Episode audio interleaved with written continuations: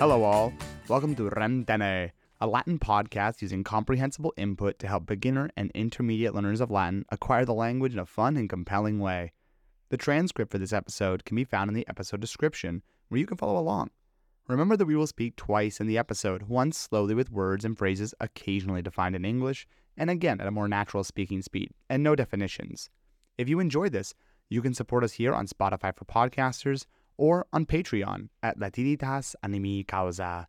Although everything on this podcast will be free, your support is what allows us to do what we do. Remember to leave a rating and review to help others find this podcast more easily.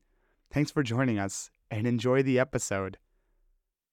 This episode can also be watched and enjoyed on YouTube. The link is in the description. Salve de sodales. Haec series es remtene Esserie sermonum latinorum ad linguam latinam discendam. Mihi nomen est Andreas, et hodie mobiscum loqui velim de linguis discendis about learning languages. De linguis discendis.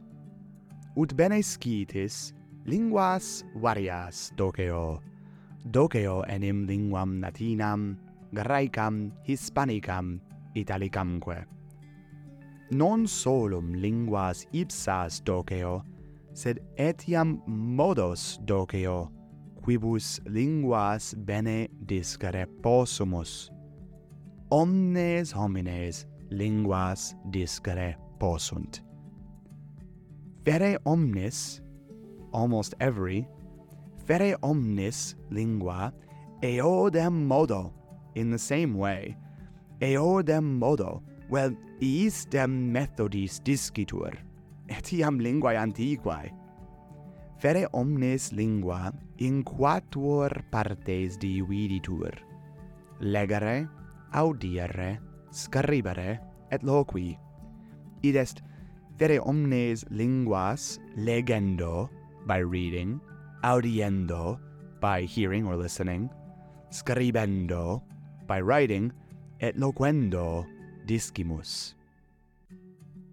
Quamquam loqui et scaribere lingua multum placet, et delectamur, we are delighted, we enjoy, delectamur loquendo et scribendo, primum necesse est, it is necessary, necesse est multum audire et multum legere linguam, quam discere velimus, non solum tamen multum audire et legere necesse est, sed etiam legere et audire ea quae facile intellegere possumus.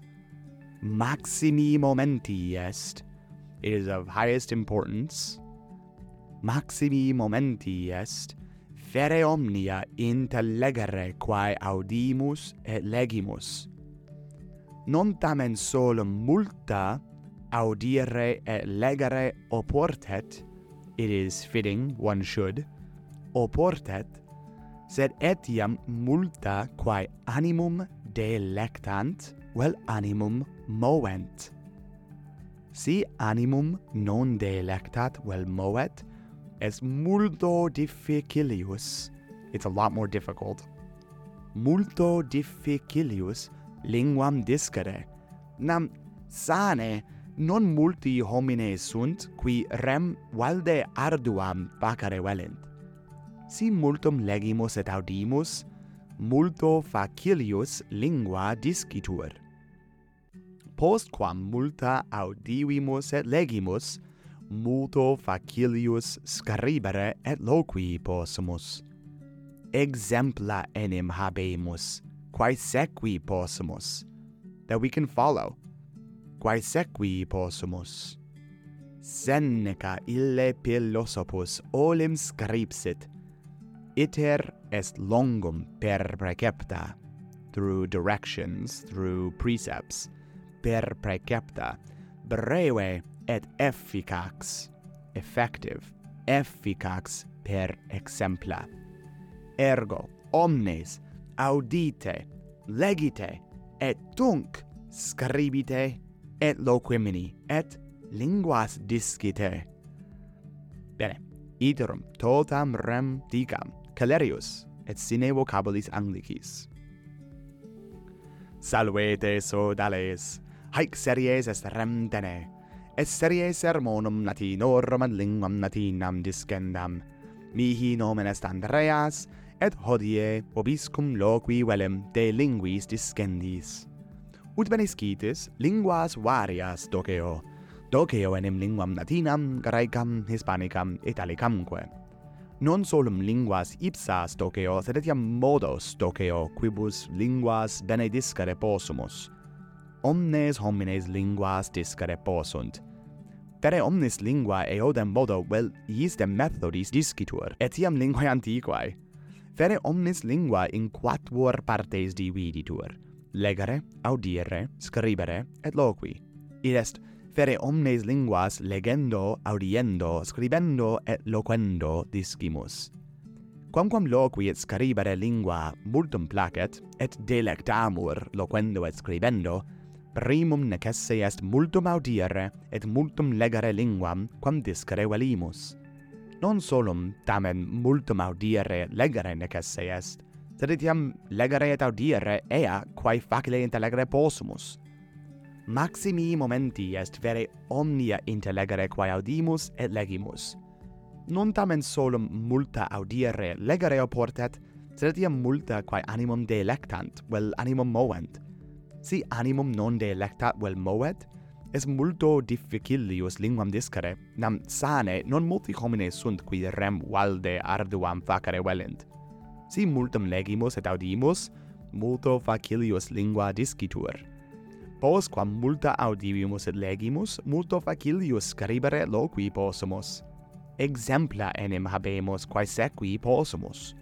Seneca ille philosophus olem scripsit, iter est longum per precepta, breve et efficax per exempla. Ergo omnes audite, legite et tunc scribite loquimini, et linguas discite. Hac manna mentionem nominis fautoris nostri, uh, the name of one of our fans, of one of our followers, nominis fautoris nostri facere volumus. Gratias summas agimus fautori nostro, cui nomen est Peter Brown. Ille non solum episodion proximum audivit et commentarium scripsit, sed etiam fere omnia nostra spectat et multos commentarios scribet. Iterum gratias summas tibi agimus, Peter. Audi hoc episodion, et scribe commentarium, et fortasse mentionem nominis tui faciam. Bene, satis est, haec hodie habui quae digerem, quid vos, quomodo vos linguas bene discitis, Nobis caribere potestis apud Apple Podcasts, vel Spotify, vel etiam situm nostrum habesnelac.com linian clinans contact. Volumus audire responsa vestra.